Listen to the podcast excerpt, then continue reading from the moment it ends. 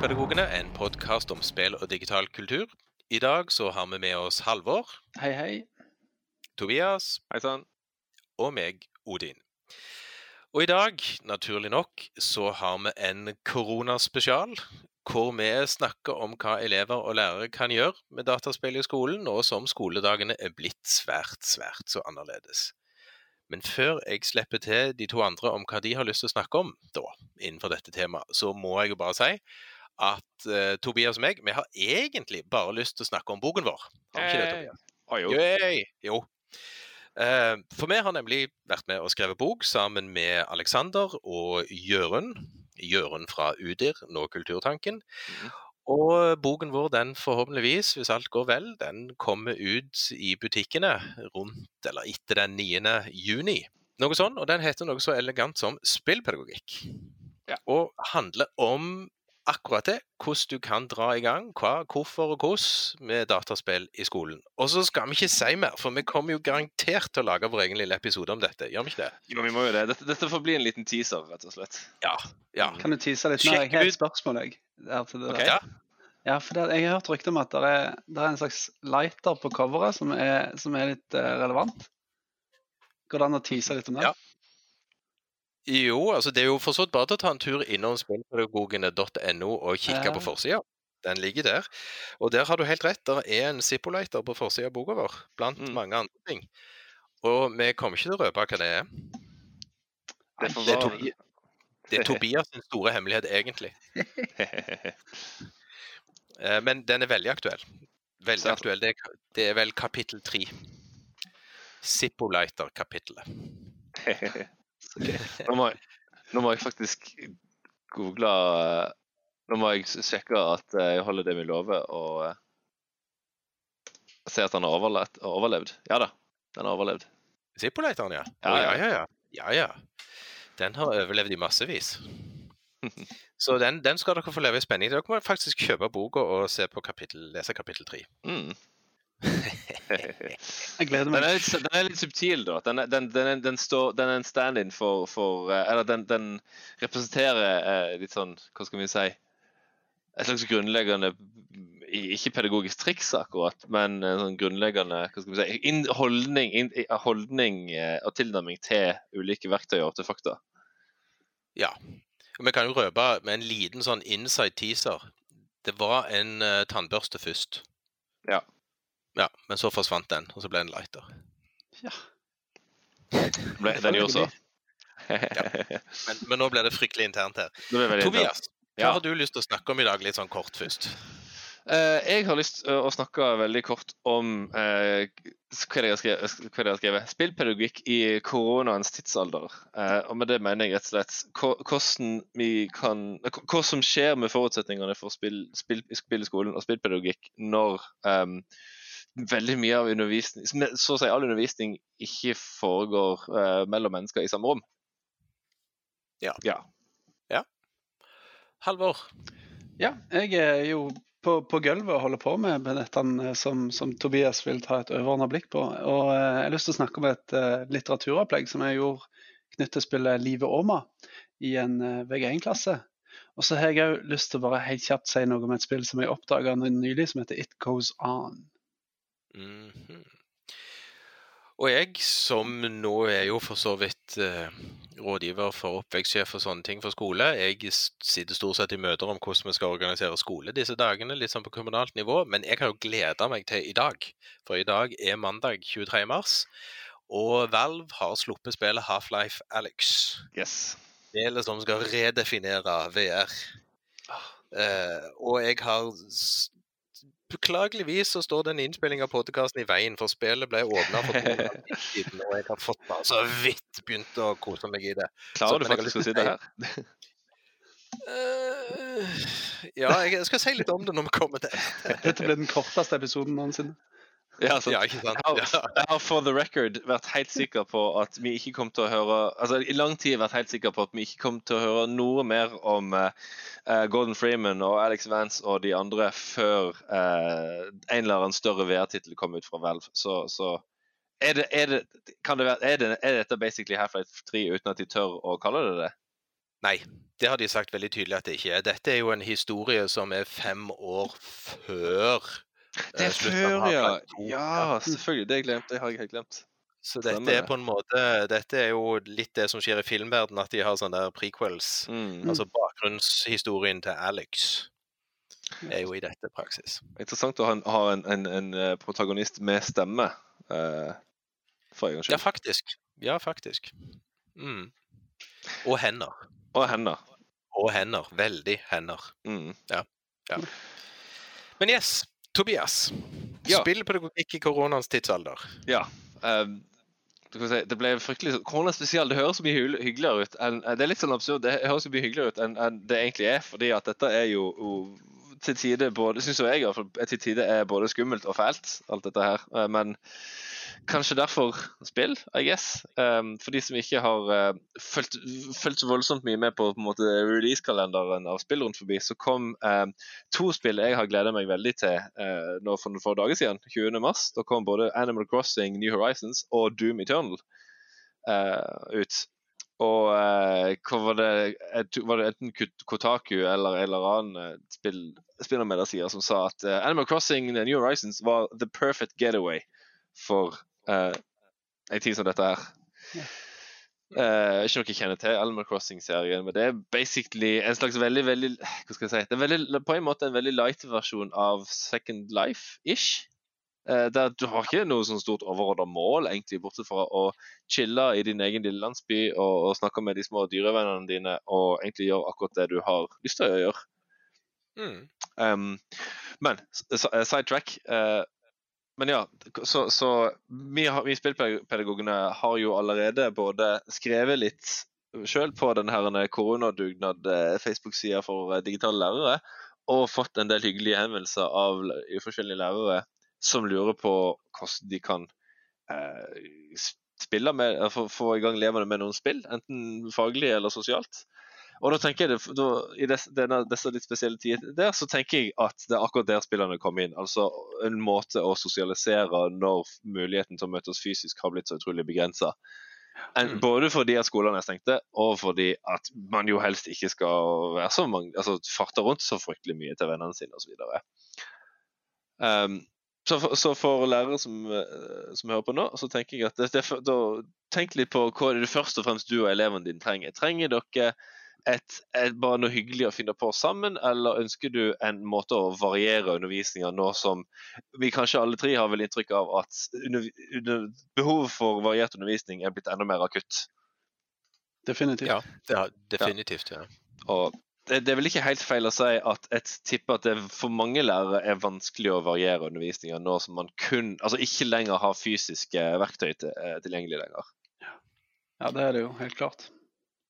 Ja, Det er det ene, og, og, og, denne, og det å se hverandre ansikt til ansikt i det å kunne legge opp måten en på en måte koordinerer en samtale i et klasserom. Mm. Gjør jo at en lett trer et steg tilbake igjen og tyr til det som er på en måte det, den, ikke, ikke, ikke tradisjonell i anførselstegn, men, men, men det er jo en grunn til at du kan si denne les side sånn, sånn, svar på spørsmål, skriv en tekst, Mm.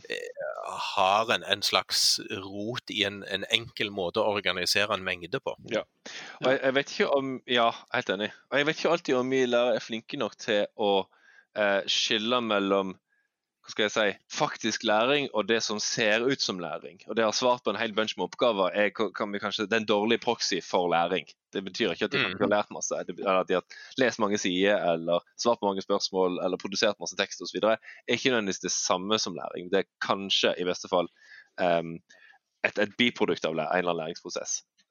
Ja, jeg, jeg pleier av og til å si at det er en masse gjøring. De har gjort mye. Jo, jo, men altså, de har gjort det vi ba de om, og i den grad de har gjennomført økta, så er på en måte undervisningen vellykka. Mm. Den, den forholder seg ikke til læringsbiten, eller eh, som jeg har lyst til å trekke inn, en opplevelsesbiten av det. Som jo Mm. kanskje Det er vanskelig å skape opplevelse for elevene i møte med undervisning når, han, når de har det, må ha denne fysiske Ja. avstanden, og det er vanskelig å på en måte mediere en lærers entusiasme. eh, Ja, forbindelse med Ikke minst. Og, og det er jo rart. Og jeg hadde min første nettundervisningstime i, i dag, faktisk. Og jeg syns det gikk overraskende greit, men den varte jo ikke så veldig lenge før jeg satte satt i, jeg i gang med OK, lag mindre gru- gruppe i Google Meet, les, det, gjør, les dette her, gjør den oppgaven, snakk sammen om hva dere har gjort. Spill, Ja, det- spill, spill inn video, lever ferdig.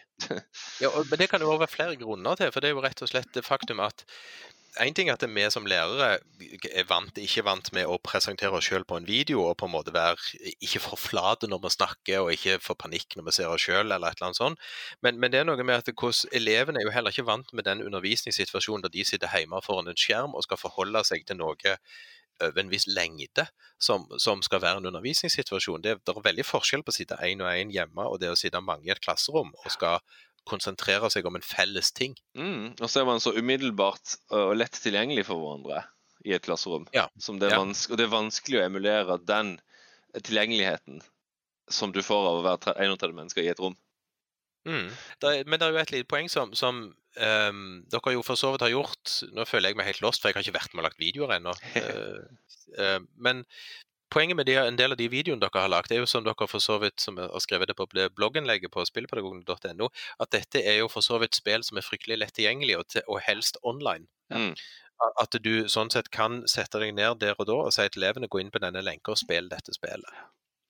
Eh, Mm. og, og, og det òg er et viktig element i den delen med at en, en er det er avstand mellom hverandre. Altså, det er ikke bare å gå inn på et datarom der det er et ferdig installert spill, eller at du har tid til å organisere at elevene skal komme i gang med et bestemt spill. Mm. Det, det må være teknisk veldig mye enklere.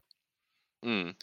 Hva gjør man da med spill i, dette, dette, når, når, forutsetningene for undervisning har blitt så annerledes? Um, og tenker jeg Det er viktig for det første eh, et, nødvendigvis ikke Det å spille for sosialiseringen sin del og, og læring sin del er ikke en, nødvendigvis gjensidig ekskluderende, men det kan være nyttig bare, mest ryddig å holde de som to forskjellige, altså to separate greier. Og Det første er kanskje det letteste av avhengig, litt avhengig av forutsetningene dine og hva slags elever du har med å gjøre. Men det å spille for sosialisering sin- del er ikke verre enn å uh, enten Hvis du har god peiling på spill sjøl, så har du sikkert masse gode ideer til hva elevene kan samles om å spille. Uh, eller, eller hvis du har noen nerde, gode nerder i klassen, så er det bare å be de om hjelp. Uh, og Da kan man jo enten spille øh, skikkelig fullblods multiplayer-spill sammen, eh, hva det måtte være. Av det, da tar gjerne utgangspunkt i det elevene allerede spiller, for det er ikke sikkert at eh, de er så gira på å altså det, kan, det er ikke helt sikkert at de er så gira på å plukke opp et spill som du har valgt ut til dem. Det må liksom Ønsket om å spille må på en måte komme innenfra på et eller annet vis. Men det går Mm. òg an å be en av eh, noen elevene i klassen eh, streame et spill som de har på PC-en sin, f.eks., og så spille litt sammen.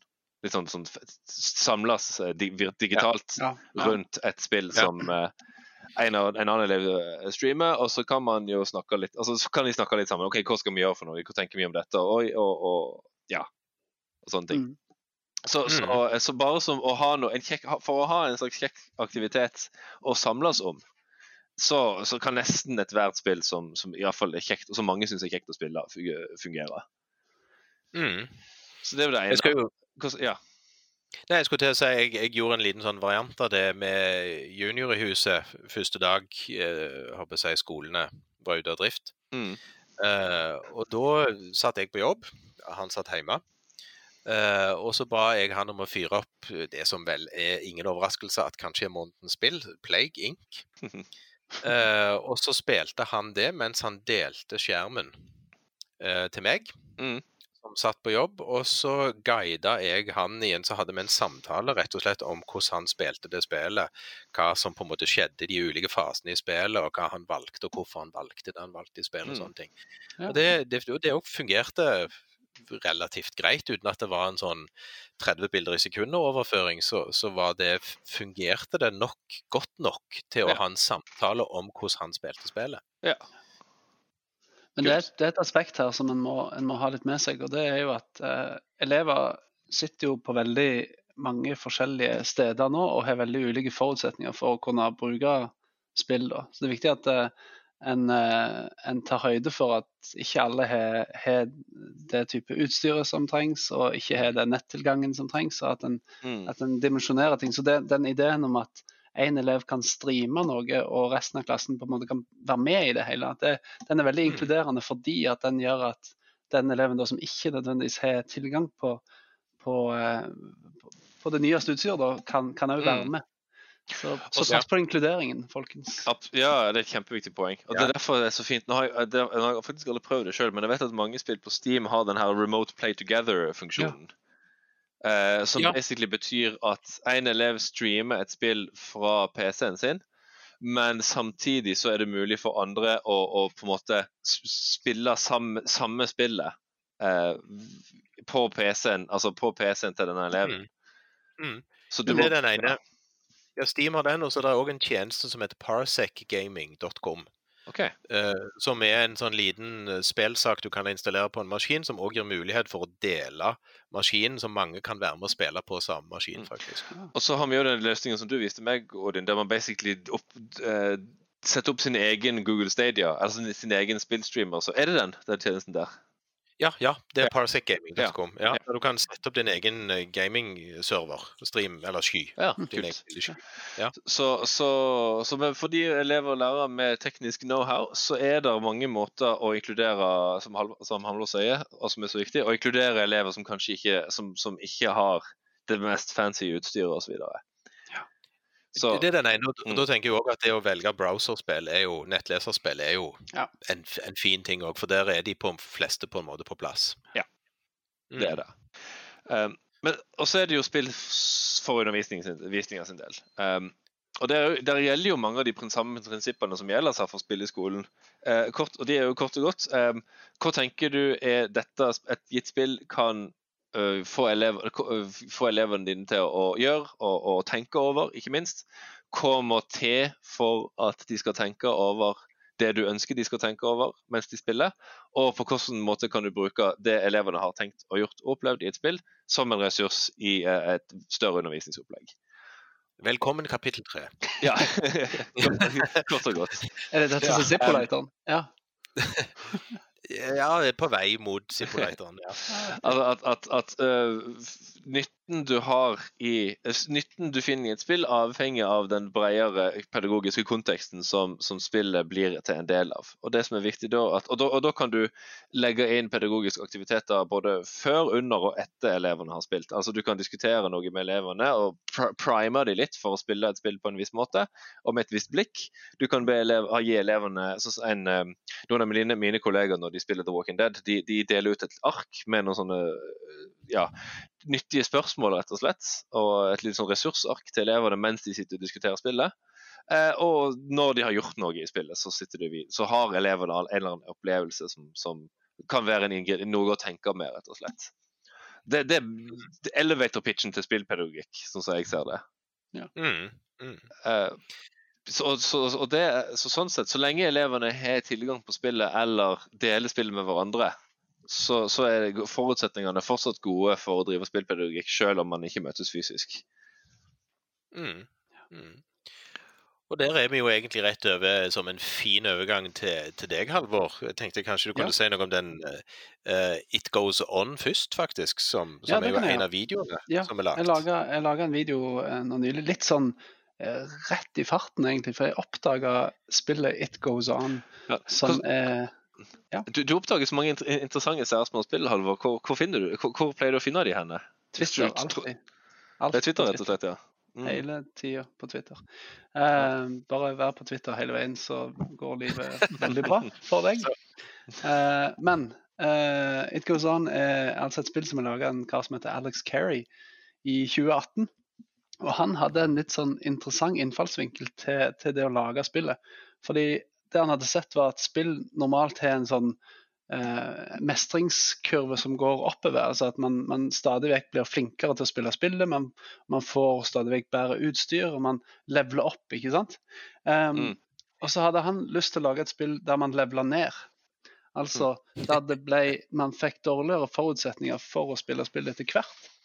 Og eh, ja, i det hele tatt at, at, at det var en interessant take. Og så oppdaga han midt i spillet at det jeg sitter og gjør nå, det er å lage et spill om det å ha en, en funksjonshemming, eksempel i samfunnet. Mm. Det å være Mm. marginalisert i samfunnet, eller det å på en måte være utenfor det som er den eh, ordinære måten man beveger seg rundt i et samfunn på. Og Det som er så tøft med det spillet, der, som jeg ble helt sånn satt ut av og måtte bare lage en video på det, eh, det er det at den kombinerer altså et sånn helt, helt enkelt uttrykk. Litt sånn à la uh, loneliness, eller Thomas Was Alone, Mm. hvis det er noen som kjenner til det. Eh, der du har en, en sånn kvadrat da, som skal komme seg fra en, en, en, et sted til et annet eh, for å komme gjennom levelet. Og så må du både hoppe og, og, og gå til høyre og venstre, men du må jo snu på, på spillbrettet, sånn at eh, denne kvadratet, ja, kvadratet flytter seg bortover. Um, og så er det så tøft, fordi at måten han leveler ned på, det er ved å ta vekk eh, funksjonalitet.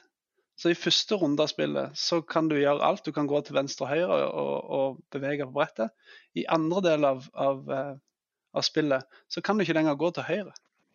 Og så må du løse de samme, den samme oppgaven da, uten å kunne gå til høyre. Og så tar han vekk Mm. funksjoner.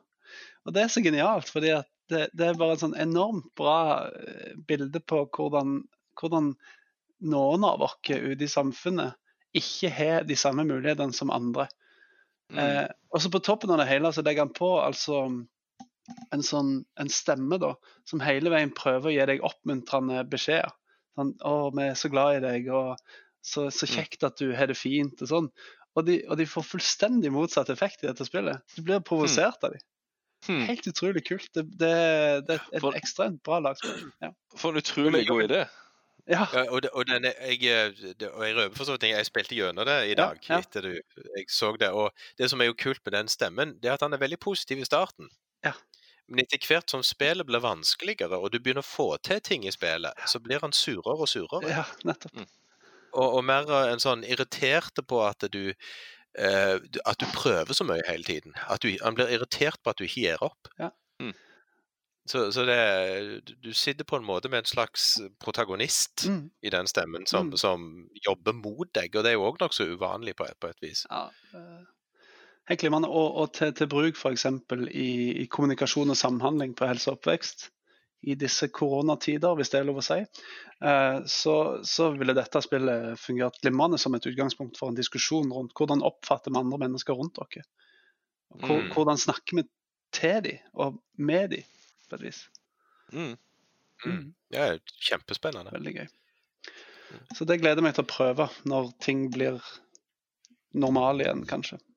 Mm. Eller nå. Eller nå. Det går jo an å gjøre det digitalt. Jo, ja. Jo, dette er jo et enkelt online-spill, så dette er jo noe en kan Absolutt. faktisk At alle elevene kan spille sammen når en er i et eller annet virtuelt uh, videoklasserom Ja, òg, for den ja. saks skyld.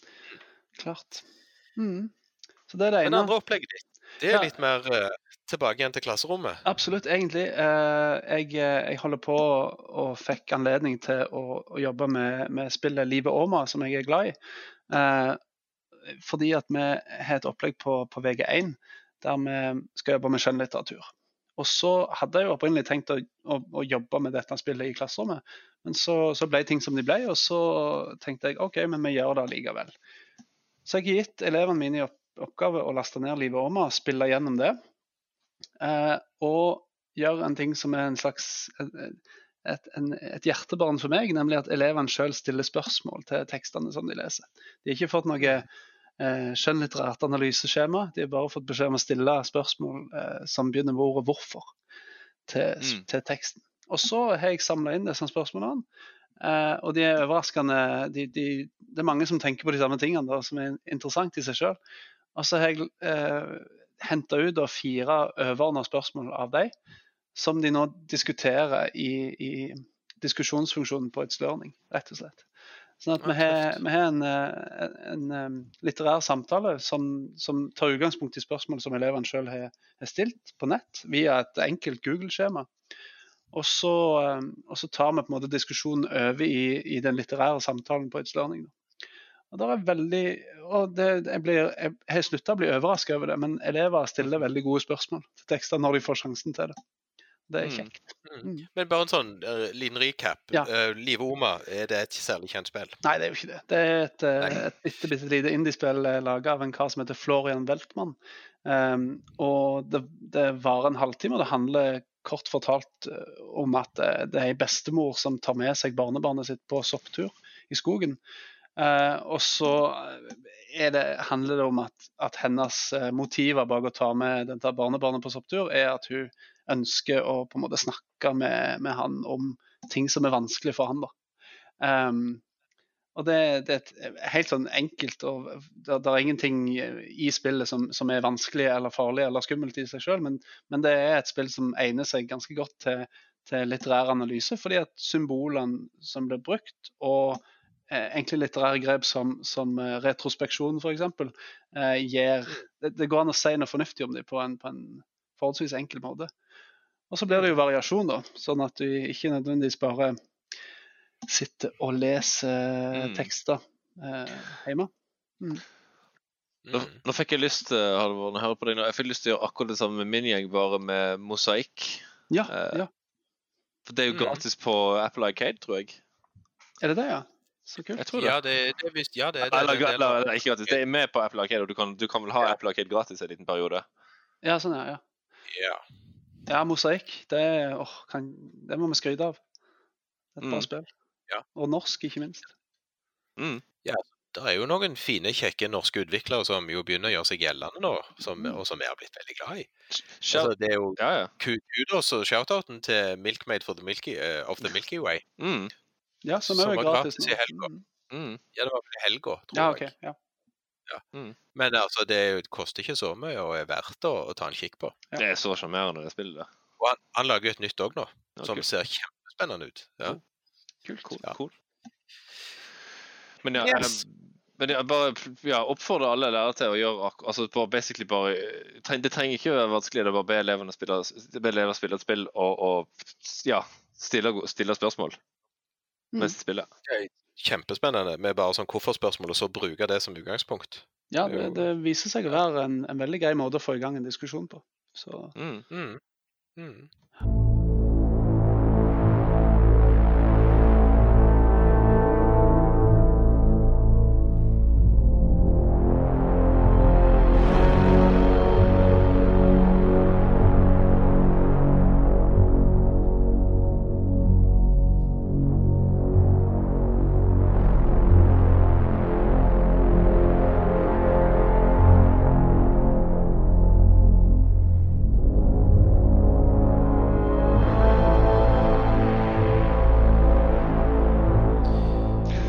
Jeg meg raskt videre til min eh, drømmeepisode.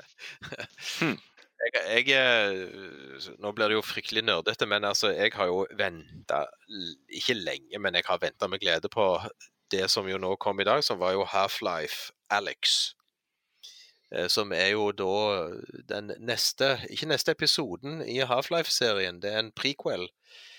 eh, som jo undersøker Alex, som er en av uh, hovedpersonene holdt på å si, i Half-Life 2, og episoden som følger etter. Uh, og nå har de lagt en egen episode om henne, fem år før avslutningen av episode 2, Half-Lifen. Og det som er vel trikset der, det er at Valve har lagt alt dette i VR. Det er en VR-only-tittel. Uh, og Valve tro så har jo alle høye forventninger til at dette er på en måte De kommer til å sette standarden for hvordan VR bør være. Og den slapp de i dag klokka seks. ja. Uh, og det, nå sitter vi her og spiller inn episode på mandag klokka ni. så jeg har så vidt rukket å starte det. Og uh, så vidt kommet i gang. Og jeg sånn, jeg, jeg kan jo si på forhånd eh, Jeg har vel forstått aldri vært en sånn veldig syltøff tilhenger av skrekkfilm. Sånn i filmsjangeren. Jeg syns det blir for nifst, som de fleste menn og gutter syns. Mm. Um, og, og jeg har litt sånn blanda følelse av, av hvordan denne opplevelsen i Half-Life Alex kommer til å bli. Jeg, jeg er en sånn Jeg, jeg fni, fniser fordi jeg syns det er så kjekt å spille, samtidig som jeg er livredd for hva jeg kommer til å oppleve lenger ut i spillet. For jeg, jeg, jeg tror jeg kommer til å synes det er grusomt nifst. Fordi at så langt som jeg har kommet nå, så er det så bra som en skulle bare forvente at det var. Som tidsfordriv på lange kvelder Ja. i uh, disse Kan du endre det fra koronaspesialen til covid-19? Det høres litt mer seriøst Ja. Uh, og, men, men altså, jeg kjører det nå på en litt sånn der halvkveda egenløsning. Jeg har en Oculus Quest som jeg har kobla opp trådløst til gamingmaskinen min hjemme. Og, så jeg kan spille det trådløst i, ved hjelp av et program, en app som heter Virtual Desktop. Mm. Uh, og det funker i massevis, så jeg slipper ikke å ha den kobla til kabel engang til maskinen. Så greit. Ja, kjempegreit. Det fungerer òg veldig godt med denne Oculus Quest Link-kabelen. Det gjør det òg. Men, men jeg foretrekker å ikke ha kabel hvis jeg kan. Går det an å gjøre samme greie med- Rift går an å gjøre samme greie med Rift S? Jeg husker ikke hva modellene er her. Uff, det er den nye. Nyeste. Ja, men er den også... Det er det jeg ikke vet. Jeg vet at den er basestasjonløs, i alle fall. Ja, det er han, men han er ikke kabelløs. Nei, sikkert ikke. Nei, han er, nei, han er ikke det, men han er, han er basestasjonløs, og det er jo deilig. Mm. Det er mildt. Uh, så, så nå har jeg spilt gjennom litt innledning og litt sånne ting, og det er, det er, det er akkurat sånn det skal være. Det er, du er så til stede og kan ta på alt og stable alt, og bevegelsessystemene funker godt uten at du på en måte syns det blir plagsomt. Og slåssingen er Nå har jo jeg bare så vidt kommet i gang, så den er ennå på et enkelt stadie. Jeg skal innrømme at jeg vanskelighetsgraden den satte jeg til story. Ja, Det er helt greit. Men Ja. Da må, da må jeg bare spørre, er dette VR Gaming sin killer app? Er det dette som gjør at det virkelig blir, kan bli mainstream? Iallfall hvis du er Iallfall innen gamingsegmentet, tror jeg. Ja. Altså, altså Hvis du likte Half-Life, så, så er dette en god nok grunn til å kjøpe en VR-hjelm. For Ja, jeg, for- jeg, jeg har nemlig bestilt meg en Rift S pga. Half-Life Alex. Ja. Eh, Og det er, du blir ikke skuffa. Dette, dette handler bare om hvor mye tid du klarer å hanke ut til å, å spille sjøl. Nå skal ikke jeg eh, hijacke podkast med mine egne personlige eh, spørsmål, men eh, hvor god plass trenger du for å spille dette? 60-70 gigabyte. Nei, nei, nå tenker jeg fysisk. Fysisk plass. floor, floor Ja, space. Floor space. Nei, 60-70 faktisk kvadrat. så ja. Det er litt i hvor kjekt du skal ha det. Altså I utgangspunktet så kan du spille hele spillet stående. OK. Ja, altså på stedet hvil stående? På stedet hvil stående. OK. Eh, for, og, det, og det funker, men selvfølgelig det er ekstra kjekt hvis du har litt plass å bevege deg på, sånn at du kan gå de to stegene og kikke utfor en kant. Jeg, jeg ble jo stående i mange minutter bare på startscenen, der du står på en balkong litt høyt oppe og kan kikke utover byen Mm. og se alt som foregår der, og kikke ned i gatene og, og litt sånne ting. Mm. Og da er det litt kjekt å kunne ha litt plass å bevege seg på. Men, men selve spillet er veldig tydelig lagt for at du kan stå et sted og spille hele spillet. Ja. Eh, og det, det, det ser ut til å funke. Altså, det igjen dette med bevegelsessystemene, som du kan velge en del forskjellige bevegelsessystem, fungerte òg helt ypperlig. Så kult. Og hva, dette, og hva dette har med skole å gjøre? Nei, si det! Og undervisning, men, men eh, sånn, sånn i utgangspunktet så tenker jeg at dette, dette er jo ting som jeg tenker vi kan òg trekke inn i klasserommet som en del fortellingsting. Uh, når ting begynner å bli se, ser normalt ut, og at dette fungerer på et Oculus Quest-sett med vel å merke en gamingmaskin eh, som driver det, så, så gjør det jo ting enklere med å, å allerede ha disse Quest-settene som ikke koster så veldig mye i forhold til at det er VR-utstyr. Mm. Og at de selvfølgelig òg har, har store andre bruksområder enn en akkurat det å være en sånn high-end VR-sett. Så det hadde jeg lyst til å si, bare Ja. egentlig. At ja, det koser jeg meg med. Ja. Men uh, Men det, det- beste er Jeg, jeg, jeg syns jo igjen det der er en sånn det, det jeg syns er mest, er den blandingen av at jeg fryder meg, og så syns jeg det er litt nifst. Jeg blir litt redd for det. Ja. Jeg tror, jeg tror headcrabben Du har liksom ikke spilt Half-Life før du har fått en headcrab hoppende på deg i VR. Jeg så, en, jeg så en veldig kul gif av en fyr som holdt eh, var det en krakk eller noe sånt for å forsvare seg mot en headcrab. Som han da, og når headcraben hoppa på han, så traff han head, den krakken først, hvorpå da personen hyler både headcrab og, og krakk ut av et vindu eller noe sånt. ja. Jo, men, jo, men det, det er litt sånn. Det er, Så Utrolig gøy. Ja men yes, Ja. det var min, det var min lille. Eh, Egentlig så har jeg jo tenkt å dra det videre til det som vi har vel tenkt å kalle for månedens spill. For det måtte jo Eh, bli dette. Det måtte jo bli det, og spillet er jo Plague Inc. Det er Plague Inc. Det er Plague Inc, selvfølgelig. Og til de som aldri har spilt Plague Inc før, så er jo det rett og slett et spill der du får et verdenskart. Og der du da skal være sykdommen. Mm. Eh, Du velger i starten, du, du får default at du er en bakteriesykdom i starten, og klarer du den første runden, så får du lov til å velge virus etterpå. Men, eh, men for syns skyld, du starter som en bakterie, og du sjøl skal velge hva slags land skal jeg starte i. Og du klikker på det landet som du skal starte i på dette verdenskartet, og spillet er i gang. Mm. Og Det som da skjer, det er at denne sykdommen den har nå smitta patient zero, den første pasienten. Som da eh, vandrer videre sitt daglige liv og gjennom sine aktiviteter smitter neste person. Som igjen vandrer videre og smitter neste person. Og så har du på godt norsk en sykdom gående. Mm. Og i dette verdenskartet så har du da en full oversikt over hvordan sykdommen utvikler seg, med hvor mange som er smitta, hva land han smitter til osv.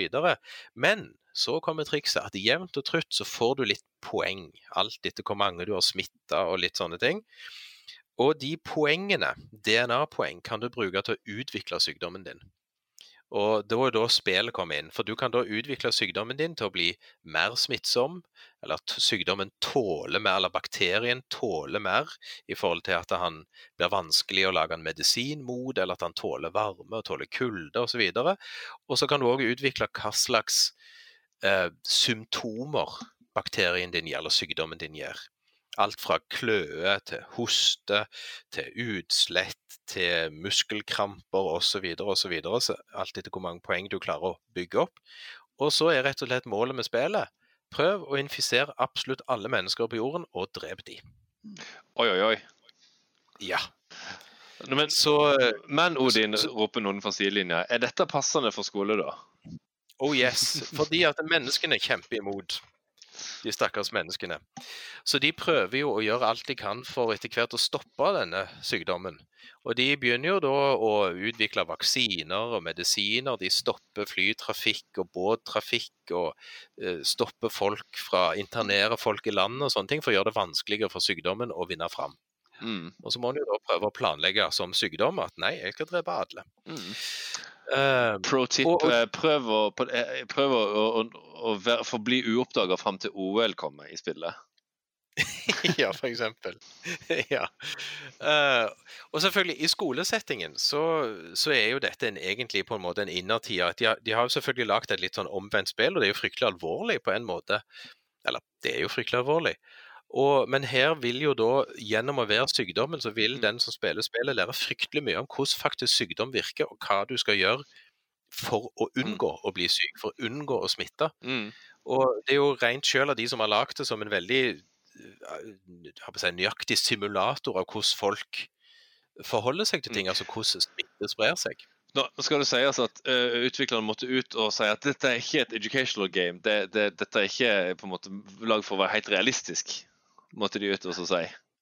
Ja, de har, de har egentlig hatt to sånne der, for de har tidligere gått ut og sagt at dette er et veldig realistisk spill i forhold til hvordan smitte sprer seg. Mm. Men samtidig, når koronaen kom, så, så gikk de ut og sa at men hallo, dette er et spill, dette er ikke noe som noen kan bruke til å si at sånn kommer det til å bli. Nei. Det de var litt redde for. Men spillet ble, vel, eh, spillet ble vel forbudt i Kina, gjorde det ikke det? Jo, det ble forbudt i Kina. Det vet, det vet vi ikke om det er fortsatt, for så vidt. Jo, jeg tror det er det ennå, sist jeg så. For jeg, jeg har jo, jeg og vi har, skrevet, vi har vel alle på et tidspunkt vist dette fram i, i eh, et eller annet seminar eller workshop, eller sånne ting, og det er liksom smått absurd å høre eh, voksne mennesker sitte og juble. 'Yes, jeg har drept fire millioner!' Um. For, for det, det, er med dette, det er med dette som er alle andre spill, at, at de har Spill har regler, og spill har tema. Og det går utmerket godt å spille et spill bare for reglene sin skyld. Altså som et, et, en spillmekanisk utfordring som skal vinnes. Uavhengig Mm. av hva ting skal representere, symbolisere eller bety osv. Nettopp her er det jo denne innramminga blir så viktig. Um, for du kan, du, Gitt at en naturfaglærer f.eks. bruker det her i timen, timen sin, så kan det fort skje at elevene glemmer faget og bare tenker ja, nå skal jeg vinne dette spillet her fordi at vinning er Mm. gøy. Og Det er jo derfor innramminga og, det å og det er litt som du nevnte i stad, Halvor, med å stille spørsmål. Til Liv Oma går utmerket godt å gjøre her. Still, hva er det Ja, Les spillet som et stykke ja, som vi liker å si her, prosedyrretorikk. Altså Ja. et, et, et, et stykke software som sier noe om verden gjennom de eh, systemene det, har, det simulerer. Og, og stille spørsmål til er det, er det, altså, som det, som, det som slo det som Jeg brukte litt pinlig lang tid før jeg innså, er at folk blir jo ikke friske igjen i Plague Inc. Er du sjuk, så er du sjuk. Ja. Og det tenker jeg Eller du, du, ja, du, du er smitta. Ja, du smitta. Du Eh, du blir ikke ikke smitta. Nei, du blir, smitt, nei, du blir ikke, ikke, ikke smitt. Du, blir, du kan bli frisk hvis du får medisin. Ja, Men men, men du blir ikke naturlig du, du, Det er ikke sånn at du beseirer sykdommen og så blir immun mot den, liksom. Sånn som eh, Nei. Så, så det er jo en sånn svær, eh, svært hull i realismen, for å si det ja, og, men, men det, og det skriver jo, det har vi både sagt før, og mulig det står litt om her der i boka òg, hint, hint. Um, men, men det vi kaller virkelighetsgapet, altså at, at alle spill mangler noe i hvor realistiske eller troverdige de er sammenlignet med virkeligheten. Og det er jo Mm. nettopp det som gjør at elever kan stille spill Stille spørsmål, stiller spørsmål til spillet, eller du kan be elevene lete etter ja, hva er det som mangler her? Hva er det som er urealistisk med dette her? Der er en, det, det er den ene, og så er det én ting til som er sykt urealistisk i det spillet. Klarer dere å gjette hvilken det er? Jeg skal røpe det her nå, hvis, hvis om dere klarer det først. Mm, er det hvor eh, seine land er med å stenge ting? Nei, det er litt på vanskelighetsgraden. Hvis du hiver vanskelighetsgraden opp, så, så klapper jo land sammen. Da stenger de ned land før du omtrent har begynt å bli en sykdom. Ah. Nei, altså, trikset er uh, Du har jo disse Ja, ja, ja, DNA-poengene. ja, ja, nå vet jeg det. Ah, ah, Sykdommen utvikler seg samtidig? Ja. Mm. Så hvis du hiver på at det plutselig nå kan utvikle denne sykdommen hoste, så utvikler han hoste i hele verden. Mm. Ah, ja, sånn, ja. Og sånn virker jo ikke jeg håper jeg, å si, evolusjonen. Mm. Så, så, så det er et par sånne Det og at folk ikke blir friske av seg sjøl, holdt jeg på å si. Det er to sånne premisser som selvfølgelig ikke har noe med virkeligheten å gjøre, men som er jo en del av, av spillreglene som Og nå, nå er det jo røpt, så nå alle lærere som hører på podkasten, nå vet dere dette, og så får dere håpe at elevene ikke har hørt på podkasten vår. Ja. Men vi håper de gjør det. Men, og som sagt, jeg, jeg, det, det tok meg ganske lang tid før jeg Jeg spilte spilt der en del stund før jeg innsatte Vent nå litt, grann, burde ikke folk bli friske av dette her? Så, så, så eh, Tobias 33 brukte ganske lang tid på å skjønne det, så, så jeg får anta at eh, elevene deres eh, Forhåpentligvis det ser det meg et veldig dårlig lys hvis de ikke gjør det, men håpeligvis bruker litt tid på å innse det, de òg. Så, så sånn sett, månedens spill er selvfølgelig da Plague Inc., men det er noen avarter. Det er jo faktisk en av de videoene som har blitt lagt ut. eh, Vax er jo et sånn et eh, lite eh, spill om hvordan du forhindrer sykdomsspredning, Mm. webbasert, som, som er en liten perle. Ja. Som er vel verdt Kan jeg nevne et til? Mm. Det fins, Ja. det finnes jo um, et, Hvis du vil uh, være the good guys, så finnes det et kjempemorsomt brettspill som heter Pandemic. Ja. Som, uh, som kan anbefales. Og Ja. det, det er gøy. Da, da får du ulike roller, og så skal du prøve å, å unngå at verden uh, går unna. Det kan jo være gøy, det. Det, det finnes òg digital versjon. Ja, kult. Ja, ja. finnes på Steam. Så yes, da har vi gått gjennom lista, vi. Men jeg, vi har en liten anbefaling til, har vi ikke det? Et eh, spill for samspilling og streaming sånn på tampen, Ja. før vi um... Ja. Og det var det forslaget det var du, Tobias, som kom med det.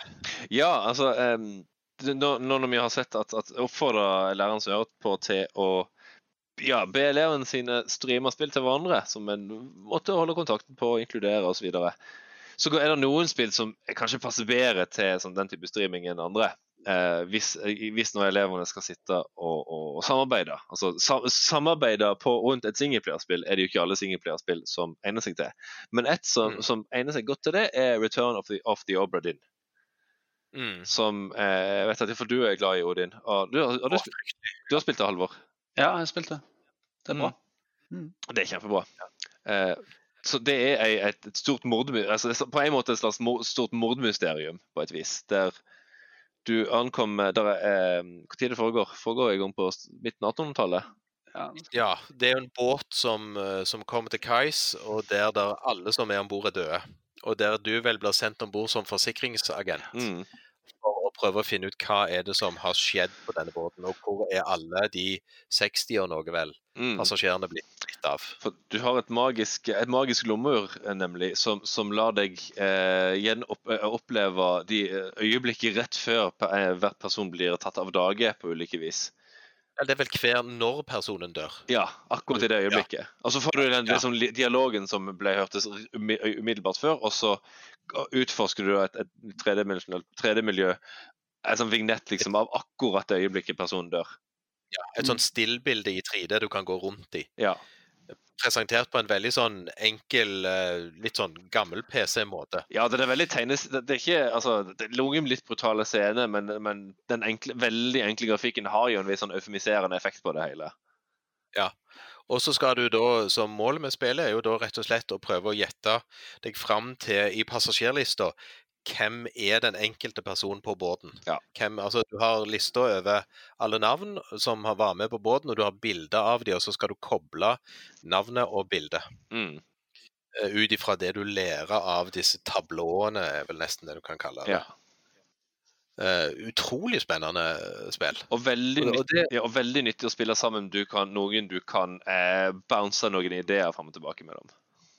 Ja, og det å gå, gå og se etter bestemte detaljer og kunne komme med forslag, gå og se der og Mm. kikke etter ting som kan fortelle deg mer, og det å ha samtale, rett og slett, Mm. om hvem disse ulike personene er. For noe kan du ta på utseende, noe kan du ta med hvor er de på båten, og, og noe tar du litt den sammenhengen om hva som har skjedd, og litt sånne ting i fortellingen. Ja. Så det er veldig mye samtale for å finne fram hvem er hvem i denne fortellingen. Mm. Mm. Um, kommer dere på noe nå helt på tampen, kommer dere på flere spill som òg hadde egnet seg til lignende? Altså, jeg, jeg syns jo The Stanley Parable Mm.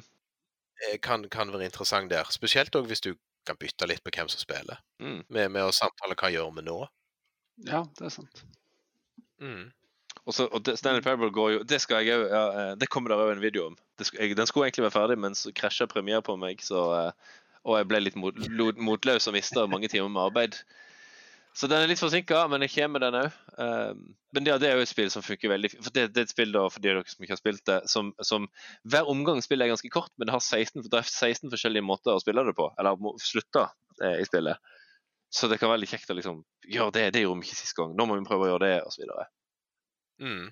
Og det handler jo da rett og slett om at du er Stanley som sitter på et kontor og oppdager at du plutselig er helt alene på kontoret og skal prøve å finne ut hva som har skjedd. Mm. Og så er det en fortellerstemme som er meget spesiell. Ja. Og så kan vi la det henge Ja, la der. det henge der. La det henge der. ja. Så da, med det som eh, bakteppe for eh, dagens covid-19-spesial Mhm. har blitt til nå, eh, så håper vi jo at alt går i så godt som det kan gå i forhold til det. Og i mellomtiden så må jo vi prøve å variere undervisningen så godt vi kan. Og vi håper at de som har hørt på podkasten i dag, har fått et par tips om hva de kan gjøre. Mm.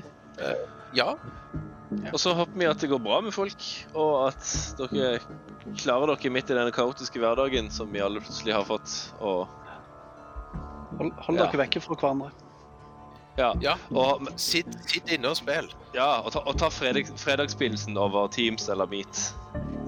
Et eller annet sånt. Ja. Det høres ut som en god idé. Mm. Men da, da snakker vi for oss i dag, og så snakkes vi i neste episode. Det gjør vi. Ha det bra. Ha det bra.